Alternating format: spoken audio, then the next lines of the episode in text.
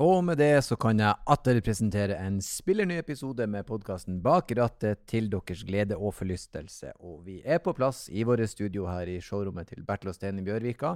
Med min side Stein Pettersen. Velkommen, mann. Jo, takk skal du ha. Eh, I dag har vi jo en eh, ganske interessant gjest. Da. Han, han starta bilkarrieren sin med å ta service på, på morens eh, bil. Da var han bare 16 år gammel. Ja, det vil jeg si er smått imponerende. Videre imponerende er at det er ikke uvanlig å samle på bilbrosjyrer og bilkort når man er barn. Han samler faktisk på prislister og Specs, så her går interessen dypt. Ja, og Som en eh, leder i bilbransjen altså gir han oss et lite innblikk i, i hva som skjer der, men ikke minst hvor viktig bilen er og bilglede er for å få hverdagen til å henge sammen. Ja, dagens gjest er helt uten tvil bensinhue, bilentusiast, men også konsernsjef i Bertel Osten, Harald Frigstad. Det ble en veldig interessant og god prat, og dette, folkens, det er bare, ja, bare å nytte.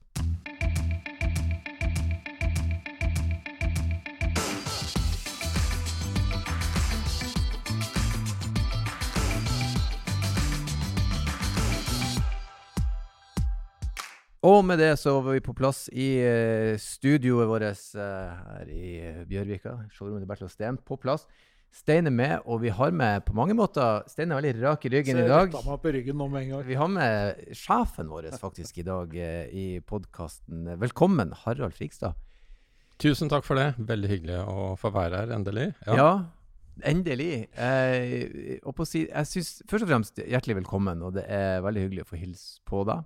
Og eh, for å presentere deg eh, og plassere deg riktig for lytterne, så er du altså konsernsjef i Bertil Osten. Eh, og eh, jeg skal bare begynne rett på. Hva gjør en konsernsjef? Ja, det, det er vanskelige spørsmål. Det gjør nok litt forskjellig. Som i mange andre jobber, så er det mange ulike oppgaver. Men først og fremst skal jeg prøve å lede selskapet i riktig retning. Mm. Uh, og i disse dager så er det, det er ganske mye å tenke på, for bilbransjen er i en veldig stor omstilling. Ja, det tror jeg de fleste har fått med seg. Mm. Så på mange måter, både teknologisk, men også forretningsmessig, rett og slett, som vi kan sikkert komme inn på uh, etter hvert. Men, uh, men, det er veldig mange omstillinger som, som, vi er inne i. Så det er kanskje noe av det viktigste, men ellers så leder jo jeg mange mennesker som igjen er ledere innenfor sine områder. Og de er ganske selvstendige, da. Eh, lederne innenfor de ulike merkene, Mercedes, eh, Kia osv., eh, mm. de er jo rimelig selvstendige. Og, og, vi har mange andre enheter også som jobber selvstendig. Så det er jo å lede, altså bidra til at de kan utvikle seg da, eh, videre. Så du er han som på en måte peker mot visjonen, da? Vi skal denne veien? Eh, ja, jeg er nok ikke alene om det heller, for vi er et ganske stort team som jobber med det. Men mm. eh, jeg leder jo det teamet, det er helt klart. Så vi er, vi er et bredt lag som peker ut uh, retningen. Men du er jo antageligvis da helt i fremste rekke på ekspertisen der. Hva er visjonen til bilbransjen? Det er jo i konstant endring. Veldig mange kjører ikke nesten opp engang. Det er jo transporten her som blir det si, grunnleggende. Behovet fra å komme til A til B. Men hva er visjonen? Hva ser dere for dere i fremtida? Jeg er litt nysgjerrig på det. Ja, det er vel ingen som sitter med to streker under svaret på hvordan dette her blir i eh, framtiden. Eh, det er jo veldig mye som går på nettopp det du sier med mobilitet. ikke sant? At, uh, at det er, uh, du går fra å selge jern og produkt til å selge en tjeneste. At mm. du skal fra A til B. Mm. Så det er jo en del av utviklingen. Uh, og, så, og, så, ser vi at noe skjer uh, allerede med bildeling, med ja, elektriske sparkesykler og sykler, og setter det hele sammen til et uh, transportsystem. da. Men vi kommer nok ikke unna at bil er også noe mer enn bare transport. Og det handler jo denne podkasten om. Ja, det, uh, og det er jo det jeg liker så godt. Mm. At det er masse glede og entusiasme rundt bil. Uh, og som er en grunn til at vi har den podkasten her, faktisk. Mm. Det er nettopp det for å hylle bilen, egentlig, litt da, i, uh, uh, i, samfunnet vårt. Og vise hvor viktig den er for det enkelte mennesket. Hvor mange minner man har, hvor mange erf gode erfaringer man har, hvor mye entusiasme og glede det, det sprer. Og at det er hos så utrolig mange mennesker som du ikke tenkte på. ikke mm. sant? Så, bare her hørte jeg på Eivind Hellstrøm. Han snakket jo om bil som det var mat, ikke ja, sant? med en voldsom entusiasme. Og sånn, var, sånn har veldig mange av gjestene eh, snakket om bil. Så det, det, er herlig. Og det ønsker vi å bidra med videre, og tror på det i framtiden. Absolutt. Det er jo to ting vi har lært. da. Ja. Det, det første er jo at eh, eh, bilen sin posisjon er såpass ubestridt at en, jeg bruker å si det, en lege han vil se deg rett i øyet og si du har kreft, du er død om tre dager. Men han tar ikke fra deg førerkortet. Det gjør han ikke. Og det sier litt om hvor sterk bil og det med den friheten det representerer i folk. Og det andre er at vi har hatt så mange gjester som kommer hit og sagt at nei, jeg har null peiling på bil og vet ingenting om det. Og vi fyller en time og vel så det med prat om bil og forholdet til bil.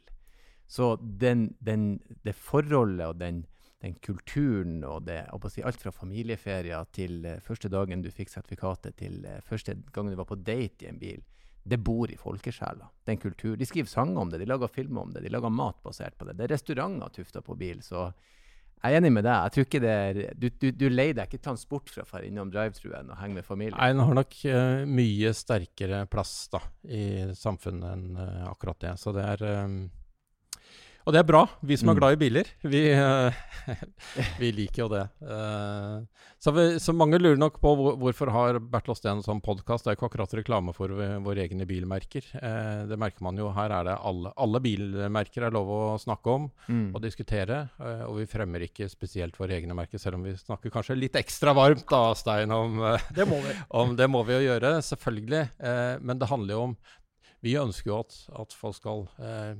forbinde eh, Bertil Osten med bilglede og entusiasme. Eh, og det er jo litt av bakgrunnen for dette her, eh, rett og slett. For vi har fryktelig mye entusiasme og bilglede i vårt eh, selskap. Med så mange mennesker som jobber for kundene våre og for eh, produktene våre hver eneste dag. Så det å spre litt den gleden og vise at eh, det er ikke bare vi som er glad i biler, det er faktisk hele Norges land Ja med så mange mennesker. Så det er, eh, det er morsomt. Så det må vi få fram litt. Det kommer ikke så ofte så fram andre steder. Det er mer litt den der du snakket om bilskam. At av en eller annen merkelig grunn så er det litt sånn bilskam. Politikere snakker sjelden om bilglede. Ja. Er, Ja da, de gjør det. det ja, det er kanskje ikke deres jobb heller, det er ikke sånn, men, men likevel da, så kan man få inntrykk av at det- det å, å være glad i bil og sånn, det det er på en måte ikke så høyverdig, men det, det, det, er, det. Og det er jo en veldig sentral del, og Bertil Osten har jo en veldig lang og rik historie også. Bertil Otto, da, som, Mm. som jo starta med å importere biler, han har jo på en måte sørga for å levere biler til eh, en, en nasjon som på en måte har utvikla seg med bilen. Ja, ja, det er en helt fantastisk historie i Bertil Osten. Jeg har ikke vært i Bertil Osten mer enn to år eh, nå, men eh, har kjent til eh, dette selskapet i alle år. Eh, og syns det hadde vært fantastisk. Nå har jeg satt meg enda mer inn i historien. Og nå i fjor, på tampen av året, så fikk vi jo tre nye eh, flotte bilmerker med lang historie og, og masse stolthet. Eh, og bilmerker som vi hadde i konsernet da, helt i starten. 1909 var det vel, noe sånt vi fikk Fiat. Eh, så nå, og så mistet vi dessverre det i 1929. Og så var Bertil så flink at han uh, fikk erstattet da Fiat med Mercedes. Uh, Riktignok lastebiler og, og busser kanskje inn der. Um, og så uh, fikk vi det tilbake igjen. Så vi føler liksom at ringen er litt sluttet. Og Opel har vi også hatt før. Så nå, uh, ja. Han har en lang rekke med bilmerker, hvis man begynner å se på de, de merkene som, som man har hatt opp gjennom årene. Så det har jo, det, og det viser jo også litt hvordan norsk bilbransje har, har utviklet seg, også med at eh, som sikkert ikke nødvendigvis så mange tenker over, da, som kjøper bil, så er det jo også forskjellig hvordan biler blir solgt. Noen fabrikker eier sin egen importør og, og holder på med det, mens Bertil Osten er jo en privateid importør som, som importerer med en avtale med fabrikken. Så det er jo, det er jo litt sånn ulike ting, og, og da får man jo også kanskje en annen historikk da, enn man ville fått i en ren sånn fabrikkseid løsning.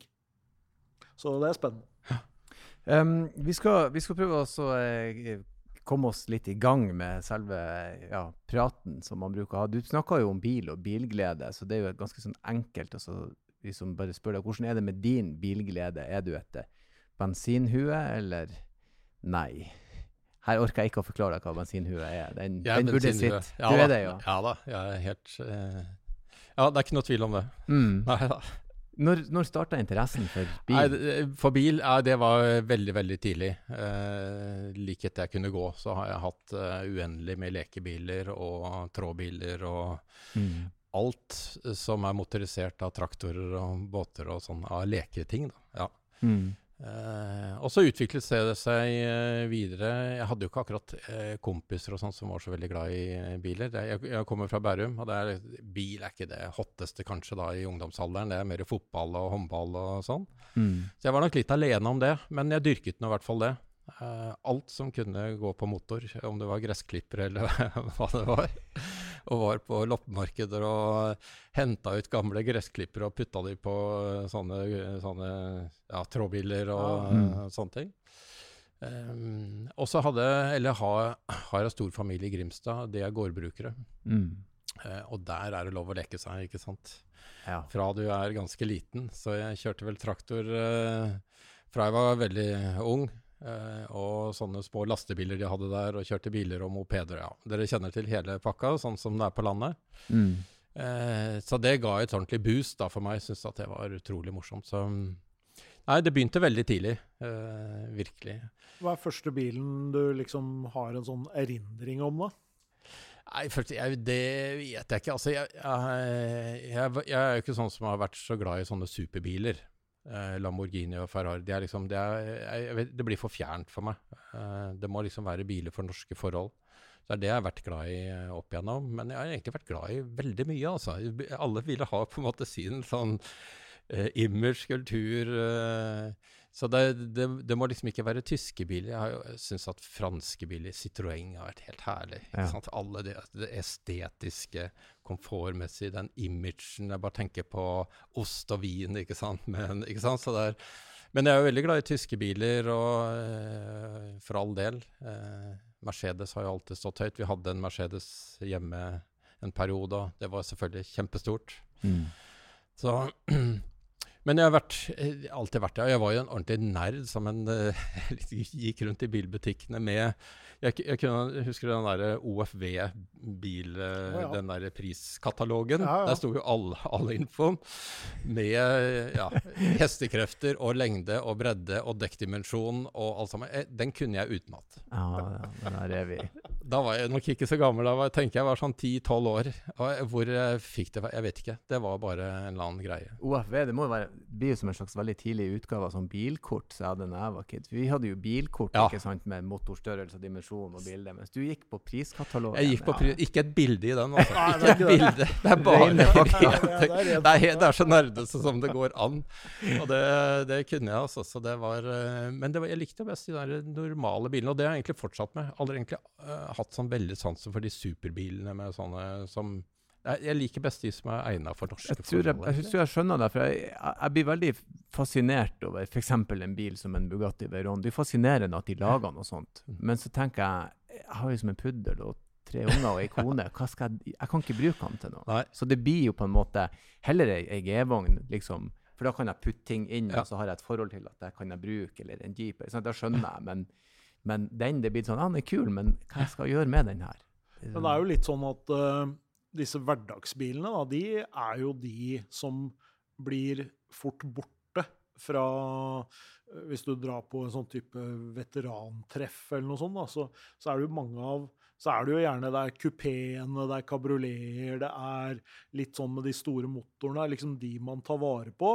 Eh, og selvfølgelig så har du sånn 2CV og boble og sånn, men det kommer jo til å finnes mange flere korvetter i Norge enn det kommer til å finnes Ford Sierraer på sikt, Ja liksom. da. Ja, og det er litt sånn synd, for man mister jo en veldig viktig del av bilkulturen, av disse hverdagsbilene. Så det syns jeg er litt morsomt, at eh, de både blir huska på, og at heldigvis noen tar vare på dem òg, da. Ja, jeg er helt enig. Det er utrolig morsomt å se noen av de gamle, gode klassikerne i flott stand i dag, som er sånn vanlige biler. Utrolig morsomt. Men jeg vet ikke om jeg hadde kjøpt det selv. Da hadde jeg jo gjerne hatt en toppa versjon av noe. For det, det er jo kult. altså Jeg har Ja. alltid likt det. Om det er en Golf GTI, da, ikke sant, Mm. så var det veldig hot. Eller eh, Ford XR3 Ja. ja, altså sånne ting. da. XR3-en var kjempepopulær. XR4 igjen med den enorme vingen Ja. bak. eh, Så det, det er nok tøft i dag òg, liksom ha en sånn eh, Hadde en strøken Ja, men GSI, jeg for eksempel. liksom- eksempel. ja. Opel. Det hadde Jeg vært tenker liksom at hvis jeg går forbi på en, på en bilutstilling, og det står en uh, står liksom en, står det en Golf GT, og så ved siden av så står det en sånn Volkswagen Darby, liksom. En sånn sedan. Så tenker du at det, det der husker jeg jo ganske godt. Og det er jo veldig kult at noen har tatt vare på det.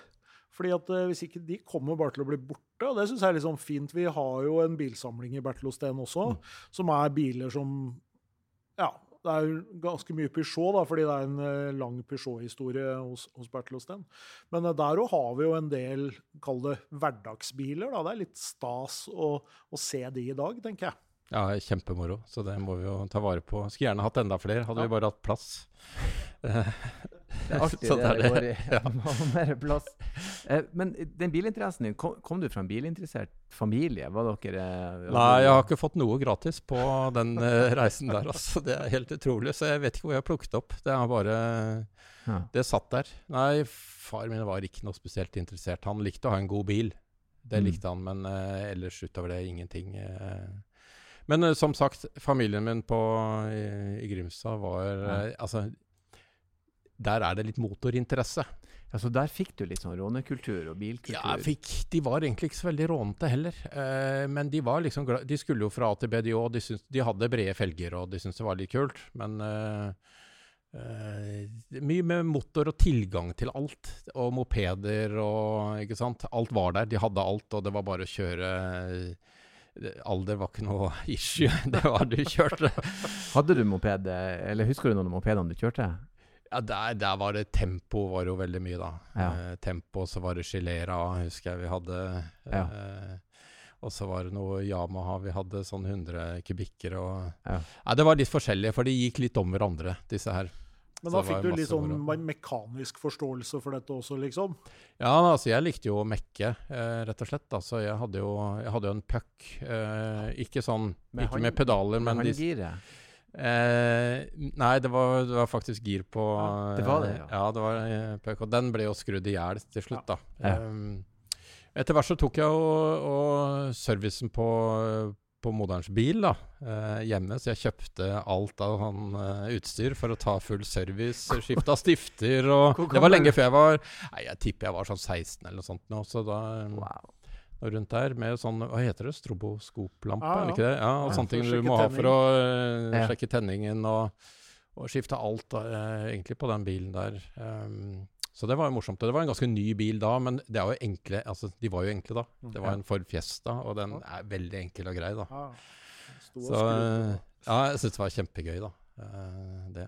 Nå skrur jeg ikke noe særlig mer, så nå Dessverre, jeg savner det litt. Det er artig at du har, hadde en puck. Det er ikke mange som, som tar den referansen i seg sjøl på pucken. Jeg hadde en kompis som hadde en puck med, med håndgire. Og Ja. den fikk vi da kjøre fra vi var sånn ca. 12-13 da. Og når, etter hvert når han fikk mopedforbevis, så brukte han den jo med, på skolen og sånn. Ja. Og den var veldig lav. Han var en svær, lang ungdom på rundt 1,90, så den pucken som kom kjørende Helt strøken. Kjempekul. Eh, og det var det ikke mange av, spesielt ikke nordpå. Men den pucken husker jeg. Den var, den var så litt rar ut, for det var en puck. Jeg fikk eh, kjøpt den av onkelen min. Men den var litt rar, for det var en Så ut som en Tempo, Mm. eh, men den hadde skjermer foran som en scooter. Å ja. Og den synes jeg, Det så litt dumt ut, så vi skrudde av den der Ja. eh, skjermgreiene. Da må det bort. ja, vi ga det det. Ja, det var jo ja. praktisk, da. Det var Ja. akkurat sånn, så det var sånn ordentlig skjerme rundt, da. Rundt beina liksom og ned. Nå ser jeg sånne pucker og også temper og Panter. Strøken Panter. Det går for ganske mye Ja, ja. penger nå. Det for- koster det samme som Ja da, eh, de har ja. Som Egne store klubber for dette her. Ja, ja, ja, ja. De tar vare på styret. Men det er Ja. veldig artig, den der mopedkulturen. I hvert fall for i distriktet, så du må ha det. Sånn jo er det bare. Det, du skal komme deg imellom. Så det, så det begynte med mopeder. Men, eh, eh, og så tok du, men eh, service Du bare hvordan, eh, Du bare sa til mor di at 'jeg tar det her nå'. det er veldig nerver De, 16, ja, de hadde det veldig tillit til meg. Ja, de hadde jo ikke noe greie på biler selv, så når jeg sa jeg hadde det, så var det liksom greit. Eh, Mm. Nei, og så kjøpte jeg kjøpte, Det var jo ikke YouTube den gangen, Nei. så jeg kjøpte bilbøker. Alt om bilen, husker jeg. enda. Ah. en svær grå bok. Husker du den? Ja, da, jeg gjør det. Jeg, Ja. det. jeg har, jeg noen, har noen liggende, tror jeg. Ja da, jeg hadde flere. Uh, så jeg leste de fra perm til perm, rett og slett Mm. på alt. Og de var jo ikke spesiallaget for akkurat den bilen jeg skulle ta, men det var uh, ja, nok til at jeg uh, fiksa det, da.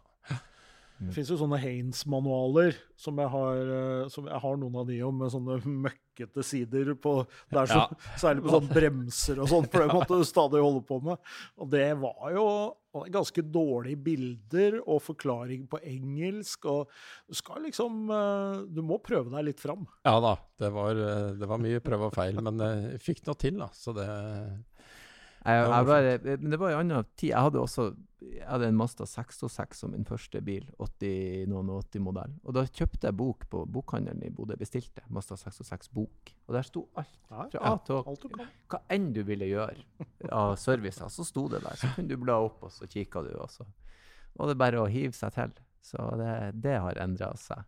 Det har endra seg. Det har det. Men det høres for ut- oss. Ja. Det høres ut som du var ganske klar for å ta førerkort da når du først ble 18. Det var jeg, altså. Så eh, jeg kunne nok kjøre bil eh, lenge før jeg tok lappen. Så um, den, om, om det var på dagen eller ikke, husker jeg ikke, men det var nok i hvert fall første uka, så fort de hadde tid. Mm. Hvordan var øvelseskjøringa? Det tar meg litt tilbake. Det er bare Du fikk begynne å kjøre bil når du på en måte nådde pedalene og fikk øve? Jeg kjørte jo en god del bil eh, da i, på gården. De gårdene det gjorde jeg lastebil og traktor og sånn, så jeg hadde jo på en måte inne den teknikken. da, Så det var mer å, å kunne håndtere trafikken som var eh, poenget. da, Kjøre rundt i Oslo og sånn. Så det var jo 17,5 man kunne begynne å øvelseskjøre da, så jeg slapp jo ikke ut i trafikken her før da. Mm. Men eh, altså, jeg kunne kjøre bil, så var ikke det, så da måtte du bare håndtere trafikken. Så det, jeg hadde, jeg hadde så få timer som jeg, det var mulig å få. Det var Det var ikke så veldig mye krav til obligatorisk. da. Nei, det var ikke det Nei, heller. det noe Så jeg slapp veldig billig unna, altså. Jeg tror jeg hadde fem timer eller noe sånt jeg, hos Ja. kjøreskolelærer. Og det, men eh, da hadde jeg, som deg, da, øvelseskjørt litt på egen hånd i forkant. Det gjaldt bare å ikke være høy og mørk overfor kjørelæreren. For hvis du var høy og mørk og kom inn der og trodde du kunne noe, Ja. da var det liksom, da var det kjørt. Så du måtte være veldig ydmyk og si at eh, jeg er ikke så i Ja, jeg kan jo ikke alt og Ja, litt sånn. Og da gikk det veldig fint. Men det er egentlig Så- bra lekse for resten av livet. Vær litt Ja da, ydmyk, så vær litt ydmyk, så, så gikk det greit. Og så tok jeg motorsykkellappen like etterpå. Da var den uh, gjort. Men det, jeg kjøpte meg ikke noe motorsykkel. Jeg var såpass fornuftig da, at jeg tenkte at det har jeg ikke godt av å ha som 18-åring. Det blir bare helt feil. Veldig innsiktsfullt. De Ja har jo endra det nå. Så jeg kjørte litt motorsykkel sånn, men, men uh, jeg kjøpte ikke egen sykkel. Så jeg tenkte bare at hvis jeg ikke tar den nå, så får jeg aldri tatt den. Mm. Uh, og jeg har lyst til å ha motorsykkel når jeg blir eldre. Mm. Så, det, uh, så jeg har tatt opp det senere, da. Mm. Ja, Så du kjører sykkel nå? som- Ja, jeg kjører. Jeg hadde egentlig tenkt å kjøre hit i dag, for det er så greit å parkere. Men eh, så har det meldt regn i ettermiddag, og jeg gidder ikke kjøre når det regner. Så det, er, det, det gjør jeg aldri. Så nei, jeg kjører mye sykkel. Jeg kjører mye til jobben, da. Mm. Jeg, det, jeg, jeg, jeg har nylig realisert den drømmen og tatt sykkellappen. Hadde lyst i mange, mange mange år. Eh, var på tampen til å gjøre det da jeg var 21, men jeg er glad for at jeg ikke gjorde det, og tok han i voksen alder. Og det som slo meg på sykkelen når jeg begynte å kjøre, er den naturopplevelsen. For den er så mye sterkere enn jeg hadde trodd. Eh, Luktene og lyset og opplevelsen av å være i friluft syns jeg er en fantastisk eh, følelse. Ja, det er helt herlig. Ja. Samtidig som er veldig grei å bruke i det praktiske. Så Mm. jeg, det er en sånn kombo. Noen ganger kjører jeg bare sånn som du snakker om, bare nyter en tur. Og andre gang så er det mye rett og slett bare eh, transport. Kjøre til jobben, kjøre til butikken osv. For den er så grei å sette fra seg og parkere og kjøre gjennom trafikken eh, Mm. fra kø. Og. Så det er en fin, fi- fint framkomstmiddel i tillegg, da. Men eh, den er ikke, det er ikke så bra i regn. Så Nei, det er jo litt sånn hvis man kan la være, så er det jo noe med det. Og så bruke det når det passer. Ja, absolutt. Men sant. eh, jeg er litt nysgjerrig på eh, lappen med en gang. Du regner med du sto på første forsøket, og alt var Ja, det, jeg gjorde det, men det er jo ikke noe selvfølge det, selv om man kan kjøre bil. Det er Nei. litt tilfeldigheter, det, da. Så nei da, men det er riktig, det. Jeg sto på den. Men din aller første bil jeg er litt nysgjerrig.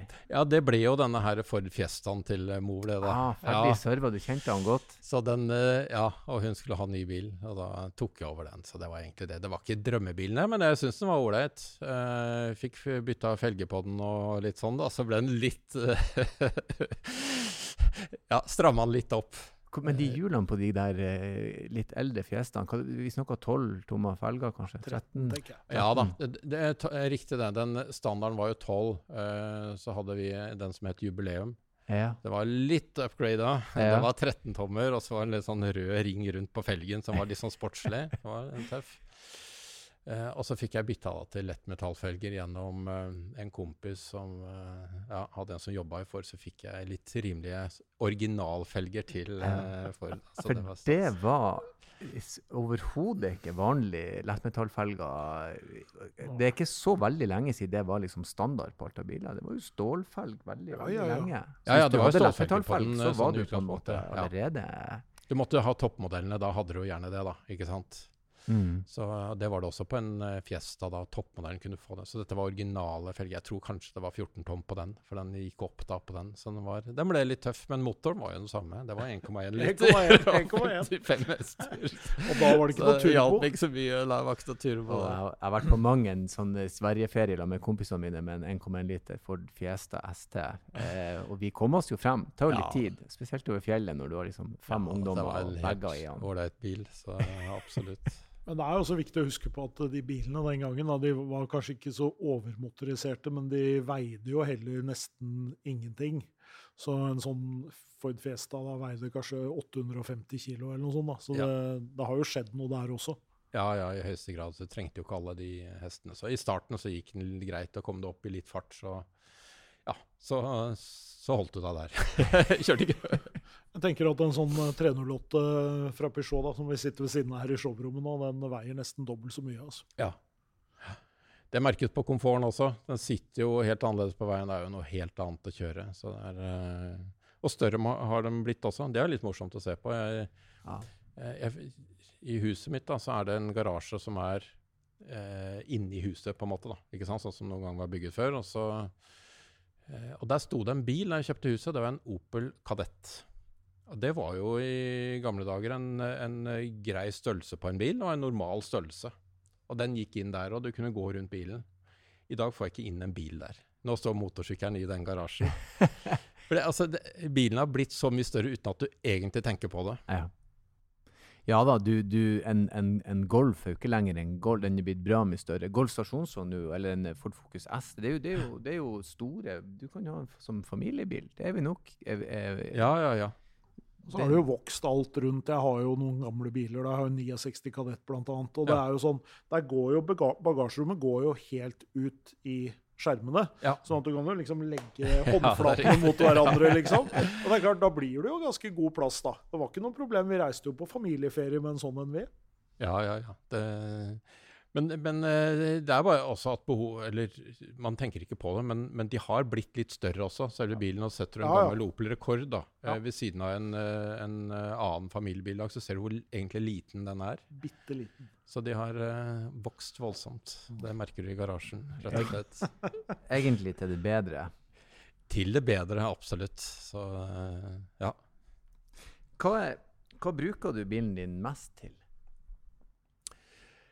Jeg bruker den eh, Det, er fram og tilbake til jobb, eh, og det er til hytta. Eh, Småkjøring er det egentlig veldig lite av. Mm. Da er det Jeg bruker sykkel gjerne. Jeg har kjøpt meg elsykkel. Elsparkesykkel har vi hjemme. Og så, videre. så det er ikke så mye sånn småkjøring, og barna mine begynner å bli store, så det er ikke noe sånn kjøring til og fra alt mulig. Så det er, eh, det er mest det, og så er det på, på turer og til hytta og sånn. Jeg, jeg gleder meg til jeg er ferdig Ja. med den sjåførtjenesten. For det er det jeg er. Hjemme nå så er jeg kokk, og så har jeg sjåførlue i gangen. Jeg, for det er jo treninger, og så skal de hit, og så er det foreldremøter, og så er det dit. Så jeg, jeg kjører enormt. Ja. Så jeg gleder meg til jeg kan skaffe til en sparkesykkel og si at nå Og da er det ikke så mye bilglede akkurat på de der. Det er Nei. transport. Eh, og den, den slipper jeg ganske mye av, mm. heldigvis. Men samtidig et Så. godt eksempel på hvor viktig bilen er da, på en måte for å få livet til å henge sammen. Ja, ekstremt viktig. Du klarer eh, deg ikke uten, rett og slett. Det er vel det mange merker når de er unge, at det er ikke så nøye med bil osv. Helt til de plutselig har fått barn, og da tror jeg oi, da er jeg bare da- nødt til å ha det. Og det var en av de tingene jeg skjønte når jeg fikk barn, nå er liksom det med plass. For jeg skjønte at det er jo ikke kona mi som står og demonterer barnevogna i regnet, det er jo jeg som gjør det. Sånn at jeg vil jo ha noe jeg kan bare trø rett inn og lukke igjen. sånn Ja, ja, det, er ja, tenke, det er da du begynner å tenke praktisk. Jeg vil ha sånn nett å legge ting i. Jeg vil ikke sånn, du, du, før den tid så er man jo ikke nær. Det er jo hjul og spoiler som gjelder. Så det der det er fort det som du sier, når ungene kommer, da tenker du å dæven, her må vi ha bil. Ja, ja, ja, helt klart. Jeg tror eh, Det var en, en stund man sa at det var færre og færre som tok billappen. Uh, den trenden har jo snudd. Uh, det er nok noen som har utsatt litt. Grann. Men jeg tror det er like mange som eh, trenger bil eh, fremover som det har vært eh, tidligere. Eh, og, flytter du ut fra sentrum Det er ikke alltid like lett å ha en bil, men Mm. flytter du ut fra sentrum, så er du nærmest nødt til å ha en bil. Du, nu, eh, jeg får jo sett veldig mye av landet vårt i den andre jobben min, og de fleste plasser der det bor folk i Norge, der må du ha bil. Altså du har eh, Trondheim, Oslo, Bergen, Stavanger, der du har kollektiv som kan fungere. Men bortsett fra det, så må du ha bil. Og jeg merker på han eh, eldste sønnen min, der er lappen veldig viktig. Og han av alle ting vil ha eh, eh, manuell kasse. Og det er jo òg på tur ut, men nå skal de ha det, vet du. For de vil ha muligheten. Og det syns jeg er litt artig. Platespiller og manuell kasse. Ja da. For det var på tur. Vi hadde en kjørelærer som sa at de, de har ikke lenger biler engang med manuell kasse. Nå er det liksom automat som gjelder. Så, men det er godt å se at noen eh, ungdom tenker at nei, hvis alt kommer til alt, så skal jeg kan kunne sette han i første gir. Ja da. Jeg har, mine to eldste de skulle nå ta med manuell. Jeg skjønte nesten ikke hvorfor. Eh, Så det var de som pressa på at de skulle ha det. Mm. eh, Og brukte ganske mange flere timer Ja. på det. det, det, Som jeg mer- betalte, men eh, det, var, det var kanskje derfor jeg ikke helt skjønte hvorfor de skulle ha det. Ja da, det er, det er greit å ha med seg det, altså. Men det, er, utro, det, det er morsomt å tenke på hvordan ting har altså, endring, holdningen til det med, med hvordan bilen skal være. da. Mm. Med gir da jeg var eh, Jeg kunne jo ikke fordra automatgir da jeg var liten. Det skulle ikke være automatgir, uansett hva det var, for det var ikke ordentlig bil. Mm. Det skulle ha manuelt gir. Ja, det var samme følelsen. Det var ikke automatkasse i El Tempo Gigante, så vidt jeg kunne huske, så det, her skulle det gires. Ja, det skulle gires. Og så øh, fikk far min fikk øh, tilgang på en brukt Mercedes og en automat. Og jeg syns Mercedes var helt topp, men det var den automatkassen, da. Ikke sant? Som ødela hele gleden. Helt til jeg kom litt inn i det, og så opplevde jeg Det var jo egentlig utrolig bra. Ja, Ja, På en sånn bil så var det jo også helt riktig, så det var liksom eh, var greit. Men etter hvert så kom jo disse direktegirkassene, og da fikk jeg en helt annen holdning til det med automatgir. mm. Så at nå vil jeg ikke ha noe annet. Og det er mye morsommere. Det er mye, og jeg har til og med automatgir på motorsykkelen min, som er direktegirkasse. Mm. Eh, og de andre motorsykler jeg har på det. Jeg vil ikke ha noe annet, for jeg bare leker meg med den med pluss og minus på den. Kan gire like mye som før, gire mye kjappere, mye morsommere, ikke sant. Så det er bare Ja, jeg kjøpte meg en ny sykkel nå, den har kvikkskift, så jeg klørte ikke i det hele tatt. Nei, riktig. Så jeg bare, bare sitter og det, blir noe, det, blir, det er artig, du finner gleden i det. Men jeg må også innrømme jeg er veldig glad i automatgir nå. Når vi, når vi er på ferie i andre land og man leier en leiebil og får automat, nei, manuell, så er jeg sånn åh, når man sitter og gir mellom tredje og fjerde i, og det, altså, Og det er rush, ikke sant, å sitte hele tida der. Det, så det, men det har vel mer med behagelighet å gjøre, at man blir Ja, men det er, mors altså, det er morsomt å kjøre med automat når du kan drive og gire på den måten, for det Mm. går jo mye kjappere. Og du Mm. kan gire sånn som en manuell, bare at det går kjappere. Det er så det bra nå, og det er så, Så jeg har liksom tøyt. fått en annen holdning til det. Men nå har jo det, selve teknologien også blitt mye bedre, da. Det, det er klart. Men jeg å si, annet enn med en bil, småkjøring, hender det seg at du tar bilen og bare kjører deg en tur, bare for at det er litt fint? Nei, det er ikke ofte at jeg gjør. Det er ikke bare kjøre Altså, jeg kan godt kjøre Jeg må ha et oppdrag. Og da får jeg heller finne meg et oppdrag, at jeg skal til en butikk og se på noe, eller et eller annet. Jeg kjører ikke bare en ring uten mål og mening. Men, eh, men jeg kan finne Jeg kan lett finne et mål, da. Mm. At jeg drar til et Finne eller annet sted. å- Ja, finne en grunn til det, og da kan jeg kjøre alene og kose meg i bilen. Og sette på god musikk og kose meg, men, men jeg må liksom ha et, et eller annet mål. En bilferie av den slags, har dere vært en familie som drar på bilferie, eller er det Eh, Grenser Vi, ja, jeg var så liten. Vi kjørte jo uh, før vi fikk Vi fikk jo hytte etter hvert. Og før det så var vi på bilferie og kjørte rundt i Norges land. Så jeg husker faktisk stedene vi var på, men jeg husker ikke så mye fra bilturen. Vi kjørte gammel uh, Ford Cortina, husker jeg. Og, og eh, men det, det er positive minner. Men jeg husker ikke så veldig mye av det. Det er så mange år siden, så det er ikke det jeg egentlig eh, sånn sett forbinder med bil. da. Det er Mm. ikke det. Du har ikke reist noe særlig på bilferie med din- Nei, ikke nedover i? Europa og sånn. Det var litt rundt, eh, rundt i Norges land og Vestland og, og så videre. Ja. Neste spørsmål er før jeg på en måte Vi, vi har en sånn fast spalte der vi spør hva, hvor går grensa for hva man fikser sjøl. Vi har jo snakka om det. det, det er vel ikke grenser for hva du fikser sjøl? Det virker som du, du går på Nå med krum fikser jeg ikke så innmari mye eller, lenger. Eh, bilene har blitt så avanserte, så jeg, jeg, ja, til og med dekk, eh, hjulskift, gjøres jo nå oppe på Lørenskog hos Bertil og Steen. Mm. Fælt å si det, for jeg trives jo egentlig godt med det. Så jeg, jeg var, den, vi har jo to biler. Jeg tenkte at de, den ene bilen da skal, jeg, da skal jeg ha hjulene hjemme, for jeg liker egentlig å gjøre det. Men det ble nå til at jeg hadde det på eh, hos Bertil og Steen likevel. Men jeg kan. Jeg Mm. kan det, altså. Ja, og jeg føler at hvis man kan, så er det innafor. For Ja. jeg kan jeg òg, men jeg er veldig glad når andre gjør det. Jeg skal være Ja. helt ærlig.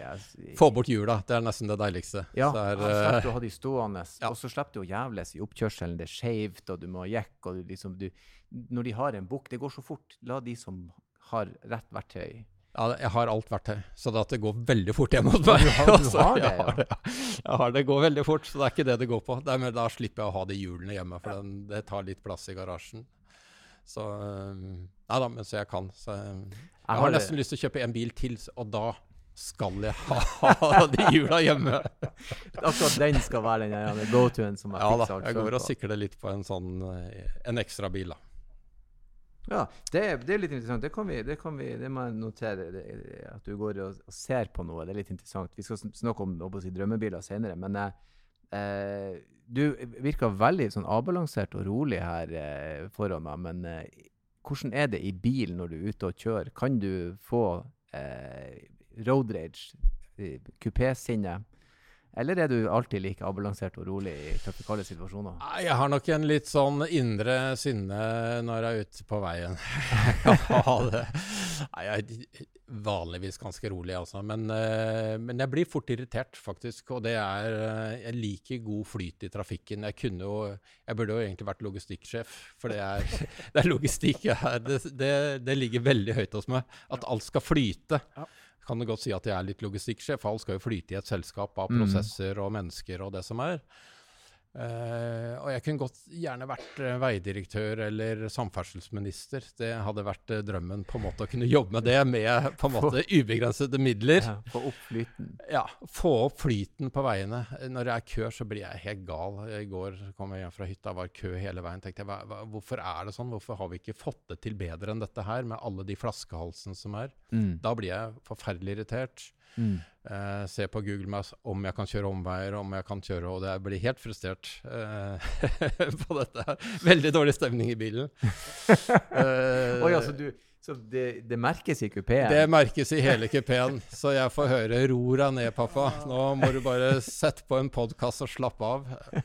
For det er litt sånn at du irriterer deg inn- eh, For, så kan jeg være, i hvert fall. At jeg, jeg prøver å gjøre noe smart da jeg skal kjøre en omvei, eller noe sånt, og så Ja. viser det seg at det, det står like mye der, eller kanskje enda mer, og så begynner man å irritere seg. Hvorfor gjorde Ja. jeg det? Jeg burde ha gjort Ja, jeg blir irritert. Hvorfor tok jeg ikke av der likevel? Nå kom jo den køen likevel, ikke sant. Og så er det, og så er det kø hele veien, og så er det to filer som skal inn til én. Så er det en del som kjører da i den filen hvor det ikke er kø, og kjører inn. Så irriterer jeg meg over det. ikke sant? Det er jo jævlig frekt. Kardinalsynd. Det er ja, så det er jo det. frekt. Det er så frekt. Det er utrolig frekt. Så jeg prøver å se dem inn i øynene, alle som kjører forbi, at Ja. jeg skal se om jeg For det er, det er jo bare for å snike. Men køsniking er altså, det er altså så tarvelig, for Ja. alle vet at det skal ikke du gjøre. Men så er det noen, og så hiver noen seg på. Da, da kan jeg òg bli utrivelig i bilen. Ja, altså. så Jeg klarer ikke helt det. Men jeg, jeg er med på det at når det er to filer, og du kjører og du nærmer deg noe, så skal du fylle begge. Det, Mm. jo, altså, det skal du gjøre, så det er greit. Men når det er kø hele veien, Mm. og det åpner seg for en fil til, og du ser det er kø hele veien, og da kjører du ut, så blir det jo enda mer kø. i Sånne ting. Da blir jeg ordentlig irritert. Altså. det er Det men det går litt på flyten. og Folk som ikke kjører til siden når de har bilen i bak, at de ikke bruker speilet. Ja. Da blir jeg også eh, forferdelig irriterende. Men det, føler jeg, for det, men det føler jeg handler om normal, anstendig folkeskikk. Det blir sånn som når jeg landa i dag og kom hit. Når du kommer i rulletrappa, så står det to i bredden. Så jeg sånn, det, du er ikke alene på Gardermoen. Vi er flere her. Ja. Flytt deg. Jeg skal forbi. Jeg har det travelt. For det handler om å liksom Å ja, jeg, jeg, jeg viser hensyn. Ja, da kan jeg bli ordentlig irritert. Jeg sier aldri når alle gjør noe, men uh, inni Nei da, bilen så er det lov å, å, å, å ut. Diplomatisk sånn, da. Men, eh, så det koker litt inni av og til. Men ellers er jeg stort sett rolig i trafikken. Det er ikke noe Det er ikke noe hytting. Nei, det er absolutt ikke det. Det er på ingen måte På ingen måte. Nei da. ja, der, der skilles vi, for jeg Ja. kan både hytte og eh, Ja, nei, jeg er ikke det. Harald er ordentlig, vet. Harald, vet du, han vokste opp i et møblert hjem. Da blir det ikke noe hytting. Men eh, hvis du skulle arrangert deg sjøl som sjåfør, så sier altså på en skala fra én til ti, hvor god er du til å kjøre bil, og hvorfor plasserer du deg der du gjør? Ja, det er jo så mange dimensjoner på å kjøre bil, da, synes jeg. Altså, når jeg har hørt på de andre gjestene som har vært her, så er det noen som er eh, på ti, og så er det Ja. uh, veldig mye på åtte, og sånn. Selvfølgelig. Så Jeg kan jo ikke være dårligere enn de heller, liksom. Men går det på flyten, eller går det på teknikken, ikke sant. Jeg er ganske god på flyt, altså. Veldig god på flyt og se trafikken og sånn eh, eh, Det er ganske behagelig å sitte på med meg hvis jeg har eh, Jeg kjører veldig forskjellig hvis det er noen som sitter på, og hvis jeg kjører alene. Så det er Jeg, jeg, ville, jeg ville tatt meg ganske høyt opp på flyt. Eh, også på det tekniske så eh, vet jeg det andre sånn som Stein er mye bedre enn meg. Det tror jeg ikke, altså. Men, eh, De som kjører på bane og sånn. Altså, jeg har jo kjørt mye råning da jeg var eh, yngre, da, selvfølgelig. Så da håndterte jeg den bilen fantastisk. Men det, jeg gjør jo ikke helt det lenger nå. Jeg har jo ikke noe trening på sånne ting. Så eh, en, jeg vil ta en åtter, da. En åtter. Ja, er ikke det, det- bra? det- Ja, jeg syns det er bra. Og så er det noe med Jeg tenker at de som kjører motorsykkel også, de blir litt sånn flinkere til å planlegge, for du vil helst ikke stoppe opp eh, Når du kjører motorsykkel, så vil du gjerne finne den flyten. Altså Hvis du tar med deg den litt inn når man kjører bil også, så tror jeg det er som du sier, behagelig å sitte på. Og så, og så er man vant til å se litt fremover og planlegge litt hva man skal gjøre. Ja. Og så er det jo litt det at eh, jo bedre du er, og mer bevisst du er, jo mer ser du hvor dårlig du er. Når det gjelder det tekniske, i hvert fall. ikke sant? Så jeg har kjørt også litt motorsykkel og motorsykkel på bane. Tenker at ja, jeg har jo litt peiling og sånn, helt til jeg kommer med de andre som kan kjøre. Ja. Da sier jeg at vet du hva, jeg, jeg kan jo ikke kjøre i det hele tatt. Men hvor, hvor du har vært I det hele på, på banene, det er jo litt uh, spennende. Jeg, eh, jeg har hatt sånn vårmønstring, så jeg har leid på den, eh, den Vålerbanen og sånn og kjørt. Det er, utrolig, det er veldig morsomt og veldig lærerikt. Mm. Det er en sånn rett og slett for å riste av seg eh, litt sånn rusten fra vinteren. Ja, det er lurt. Så med instruktører og så videre, så du kjører gjennom kjegler og bremseprøver og litt sånn, og så etterpå så er det frikjøring på bane hvor du kan ja, legge deg ordentlig ned og liksom få, få, få ut litt, da. Mm. Eh, veldig morsomt. Og da skjønner du egentlig hvor eh, Ja. dårlig man er, for du ser noen andre som er helt rå. Samme er jo med bil, ikke sant. Du tror du er veldig flink fordi at du kan sladde litt, Mm. men, uh, men hvis du virkelig ser på de som kan kjøre, så er det jo uh, Det har vi snakka om mange ganger her i podkasten. Jeg, jeg tror trafikksikkerheten hadde blitt bedre jevnt over hvis at folk fikk mer innsikt i hva de var dårlige på. I stedet for at du liksom er en god sjåfør til å få klasse B, nå kan du dra. Så dra på en isbane og prøv å sladde litt.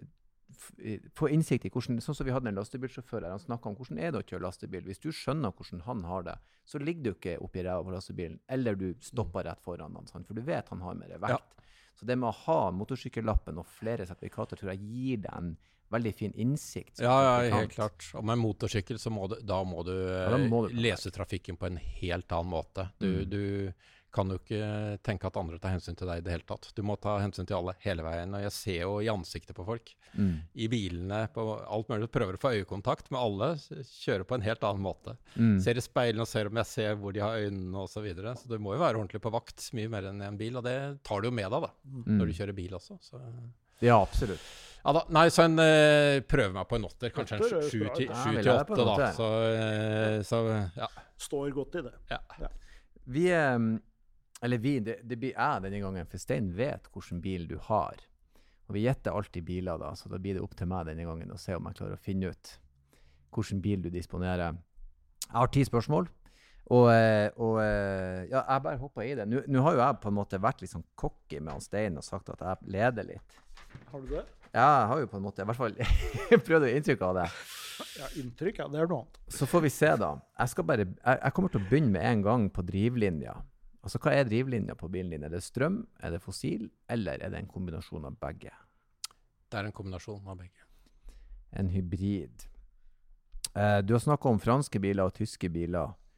Um, Er du nervøs, eller? jeg er litt grann, for jeg er alene. Jeg kan alltid skylde på deg hvis ikke det går. Ja, vi har jo Du, du kan i hvert fall eh, tenke at det er blant de bilmerkene vi har i hvert Ja. For det var det jeg hadde liksom tenkt, at det ville vært rart, Det er et godt tips, i hvert fall. ville vært rart hvis det ikke var um, Da vil jeg tro det er en europeer, og jeg vil tro det er fransk eller tysk. Er det en tysk bil du har? Det er det ikke. Det er det ikke. Da blir det her å gå dårlig, for det Det gjør det, skjønner du. er bedre på tyske biler. Må ikke være så forutinntatt. Skal vi se Er det en fransk bil du har? Det er det heller ikke. Å, herregud, nå brenner jeg spørsmål her. Vi har brukt tre. Jeg kan jo like gjerne bare prøve å dra det tilbake og spørre er det en europeer eller en asiatisk bil du har. Det er en asiatisk bil. Kunne ikke ha gjort det Tegnet i. USA. Tegnet i USA, men en asiatisk bil, da. Og en ganske anerkjent uh, bildesigner også, for så vidt. Ja, det er jo det. Han tegnet, han har tegnet, tyske, han har tegnet, tyske, han har tegnet tyske biler. Kosa du deg veldig, Ersten? um, så det er en Kia du kjører? Ja, en Kia Det det. hybrid. Um, Mm. Da må jeg tenke hva de heter igjen. Du har den der med det artige navnet eh, eh, Seed? Jeg tror vi har funnet et hull i Ja, et hull. Erlends eh, Et av mange hull i Erlens, Erlends, Et av mange Det er hull i Erlens Det er ikke, bil. den, det er ikke den artige firkantige Soul, er det ikke? Nei. Så Nei, helt borte. Ja. Jeg kan jo si det. Det er en Kia Sorento. Sorento.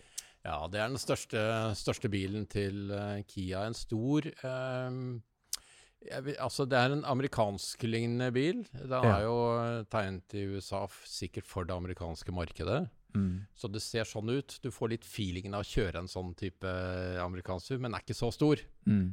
Eh, så herlig følelse. Ser kul ut, ser barsk ut. Eh, sju seter, Mm. sånn klappsete bak, da, som er og kjempestort bagasjerom. Mm. Veldig god å kjøre. Så er eh, Men den hybriden, hva det, hva det som står Hvordan Hvilken maskin er det? Det er eh, bensin og el? Ja, det er bensin. eh, Det er en plug-in. Ja. bensin. Men kombinasjonen på de to, hvilke krefter får du? Jeg, to, jeg tror det er 265 hester jeg, på den eh, der, sånn. så den går greit. Det er ikke noe racerbil. Det er ikke som en, eh, en elektrisk, la oss si en Mercedes EQC. da. Du, kan ikke, du blir kjørt fra, kan sikkert kjøre ring rundt denne bilen, men det er jo ikke sånn bil du kjører Nei. sånn med uansett. Og Nei. det er godt med krefter i den. Eh, Mm. Jeg kjørte med tilhenger i helgen, og det var Ja. Det gikk som en kule. Så det er, det er godt moment, da. Ja, for det var det jeg batteri. skulle si. Ja, veldig godt moment, og det er det viktigste i en sånn bil.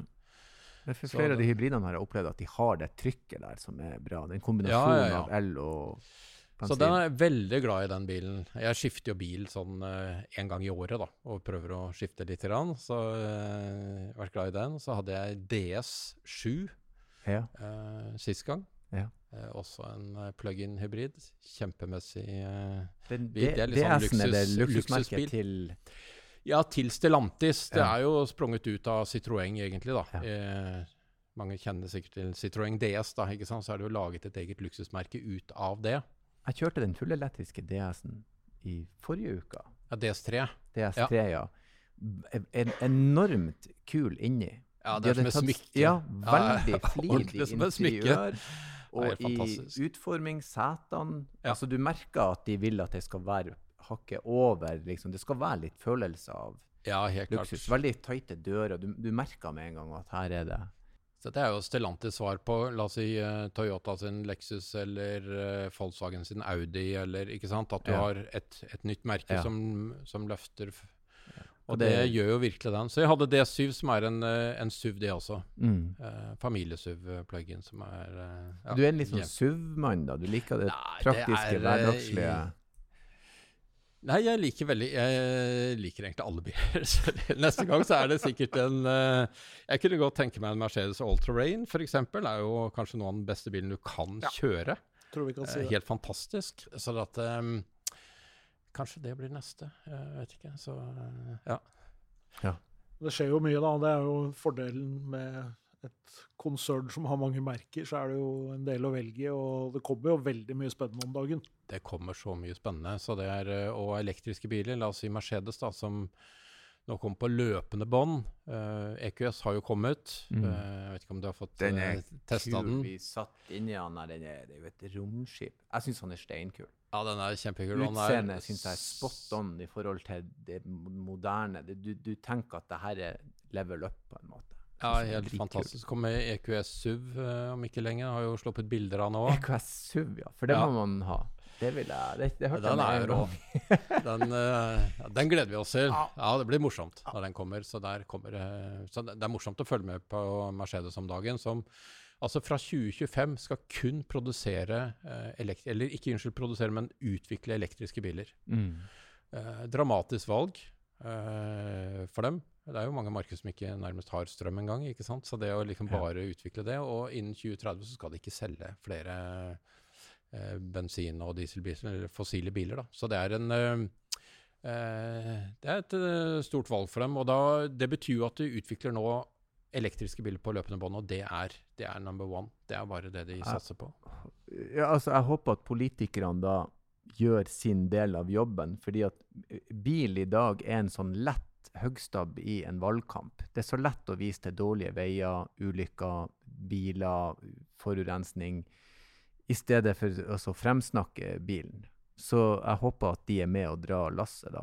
Eh, som bilmann så, så Jeg vil jo se det nye, jeg vil ha det kule. Jeg vil at det skal være tilgjengelig. og jeg håper at de, Hvis vi skal elektrifisere bilparken, så må de eh, ikke begynne med noe moms riktig ennå, tenker jeg. De må de må ja, da, gjøre litt den, mer. Vi har nok eh, avgifter på bil som det er, ja, etter min mening.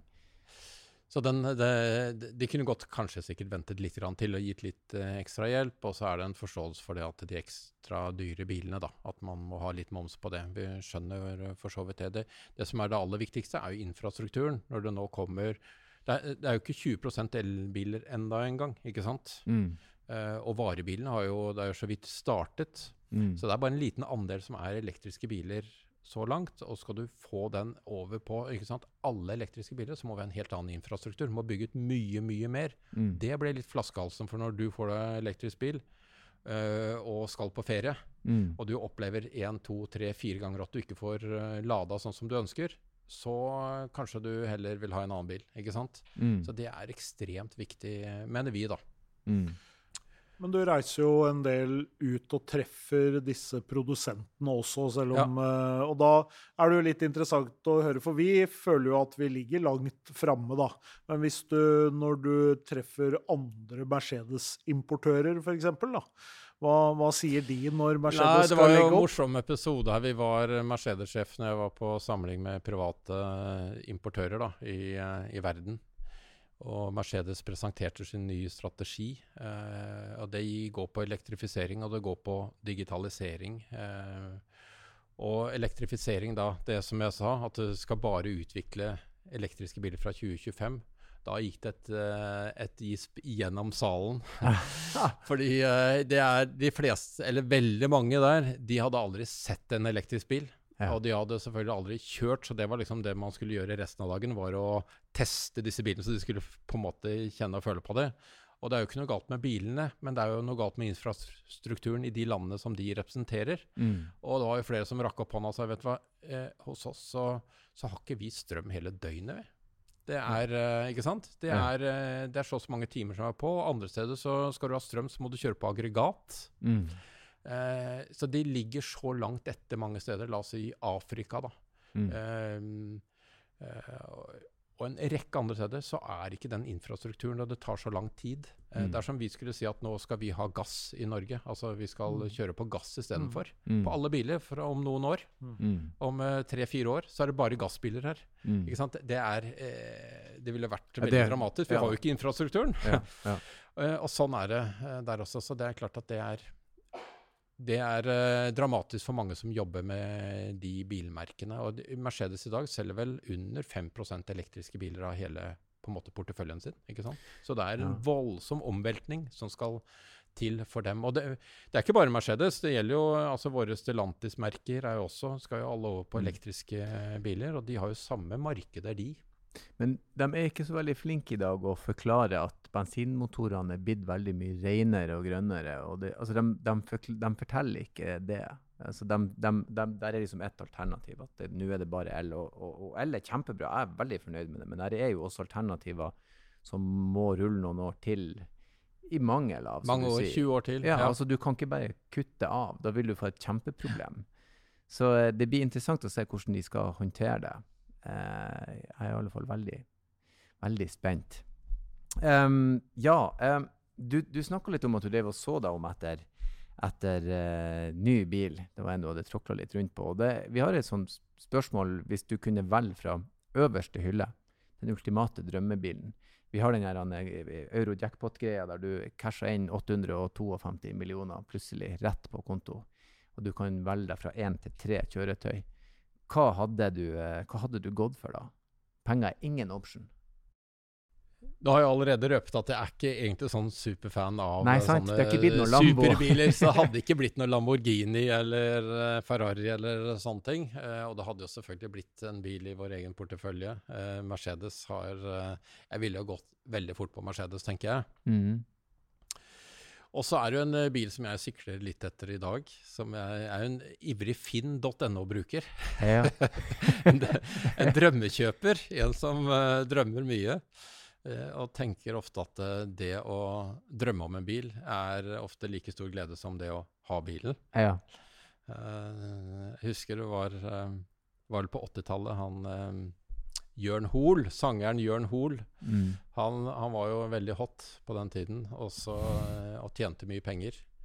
Og så var han intervjuet, og så øh, snakket opp ja, hva han skulle gjøre med alle pengene og, og sånne ting. da. Nei, visste ikke helt det, men han, han drømte om en Porsche. Uh, og så sier han nå kan du kjøpe deg en Porsche, Jørn, du har jo tjent masse penger. Ja, jeg kan kjøpe meg en Porsche, men jeg tror det at drømmen om å ha Porsche, den er eh, sterkere og, og, og, bedre enn det å faktisk ha Porschen, sier han. Godt poeng. Eh, og da blir den drømmen borte hvis jeg får den Porschen. Så det syns jeg var bra sagt, men eh, han kjøpte en Porsche etterpå, da. Så han, han klarte ikke å holde seg. Og så blir det kanskje med meg også. Man må jo av og til virkeliggjøre drømmene sine.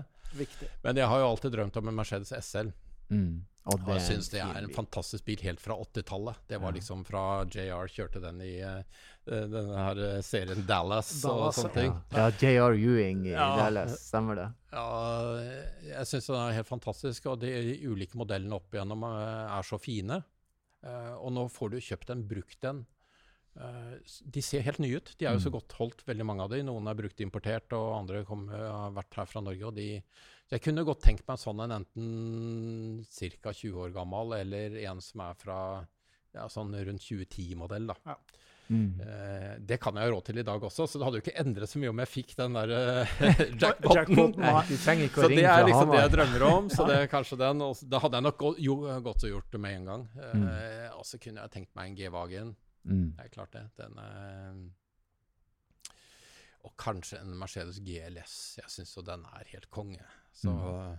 det er vel eh, rundt der. Og Mercedes GT har jo også sykla litt på. Ja, den er, den, er, er liksom... den i kabriolet, eh, for den eh, hadde jeg aldri tatt meg råd til i dag. For at den eh, det, det, er to seter og ganske mye penger. Jeg får jo ikke, får ikke, med meg så mye, men da hadde jeg nok tatt meg råd til en sånn en. Jeg, jeg, liker at du på en måte har eh, drømmebilen innenfor rekkevidde. Ja. For det er faktisk noe man kan gjøre. Eh, og jeg liker også den her. Jeg tror jeg er mer på finn.no enn jeg er på Facebook. Jeg er inne der og ser. Det er båter, det er biler, det er motorsykler, det er alt der. Ja, det er, det er morsomt. Så bil er jo morsomt. Det er derfor vi er heldige som får lov å holde på med det. Ja, mm. helt klart.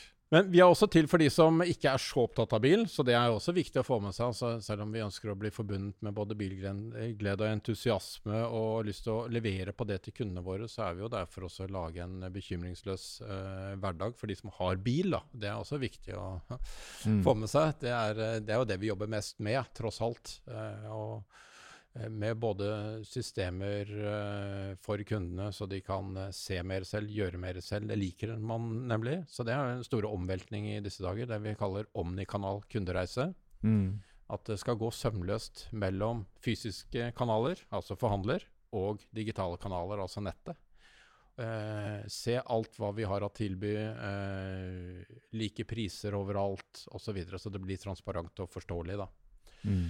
Så, og også særlig på servicemarkedet jobber vi jo masse med systemene våre, sånn at det skal bli enda lettere for kundene våre å følge kundereisen, kan du si. da, Og gjøre ting. Så vi, vi jobber jo mest med de tingene. Mm. Så har vi hatt Otto har vi hatt på besøk her, og de ja. uh, som driver med bildeling, og som deler uh, alt fra sparkesykler til sykler og, og, biler.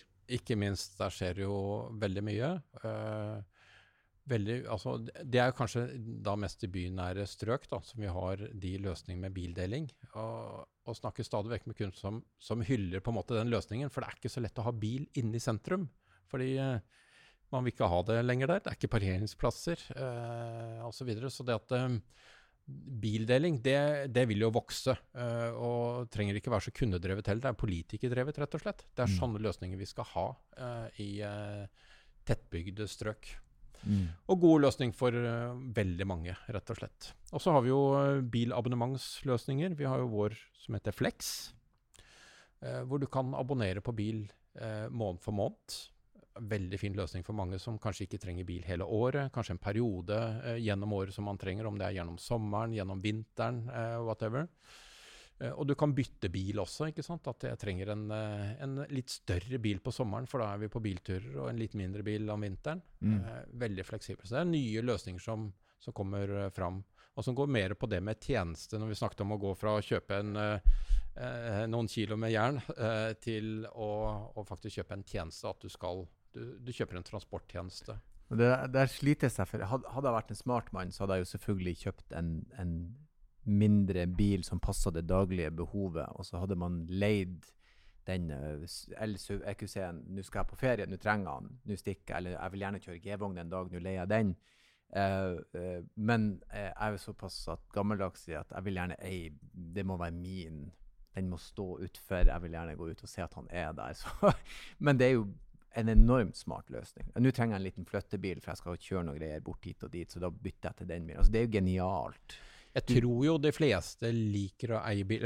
Undersøkelser viser at det, det, det, det, absolutt de fleste gjør det i dag. Mm. Uh, men det er også sånn at velstanden den øker jo i Norge. Det har den jo gjort i alle år. Mm. og det vil den sikkert fortsette å gjøre. Uh, og med velstanden så ønsker du komfort. Og det er komfortabelt å ha en bil hvor tennisracketen ligger i eh, der, eller fotballen eller uh, osv. At alt ligger der. Den er tilgjengelig der og da. Uh, med en gang, så jeg tror folk vil prioritere det så lenge du kan. Altså, mm. Hvis du har parkering utenfor, hvis du har de mulighetene. Men det er når du ikke har det, da er det veldig fint å kunne på en måte ha en løsning hvor du kan uh, låne en bil da, for den, det behovet du har.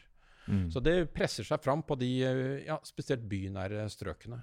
Helt mm. klart. Det er jo fint hvis du bor sånn som uh, nå på Hasle, da, for eksempel, som er en ny bydel, og hvor det er få parkeringsplasser ja. relativt sett. Ikke så mange garasjeanlegg heller, men der er det oppstillingsplass for Otto f.eks. Så da har du faktisk en bil der. da. Nesten hver gang jeg går forbi der, så står det en ledig bil der. Så det er jo veldig gode muligheter. da. Ja, kjempegode muligheter. Og det Eh, for mange så er det jo ikke egentlig i stedet for å ha egen bil heller. Det kan være i tillegg. I altså De hadde ikke hatt bil uansett, men nå, nå er tilgjengeligheten økt. De får et, en, faktisk en ny tjeneste der som ikke var der før. Mm. Så tidligere så måtte de da på bruke andre transportmidler eh, som var mye tyngre. Så at, um, det slo meg nå hvor genialt det Når jeg var student, så hadde jeg trengt Otto. For da hadde jeg jo ikke råd til å ha bil, og så kunne man ha leid bil ved behov. Vi skal til Sverige og harryhandle, og så snowboarde. Da leier vi en bil. Så kjører ja, ja, vi hjem, og så setter vi den fra oss. så... Så det er egentlig sånn sett en genial tjeneste.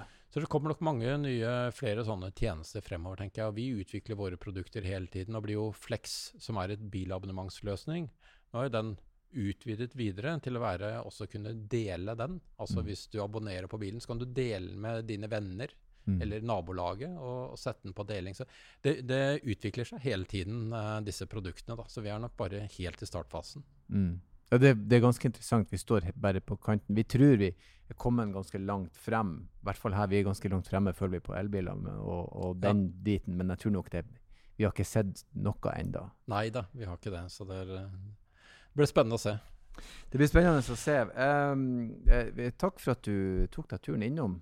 Det var uh, veldig hyggelig. V eh, artig å treffe en puck-eier. For det er ikke så ofte, som sagt. Så det var veldig trivelig at du kom innom og tok uh, en prat med oss. Og så uh, avslutter jeg sånn som jeg alltid gjør, med å si takk for besøket og kjør pent. Det skal jeg gjøre. Tusen takk for at jeg fikk lov å komme. Veldig hyggelig å være her.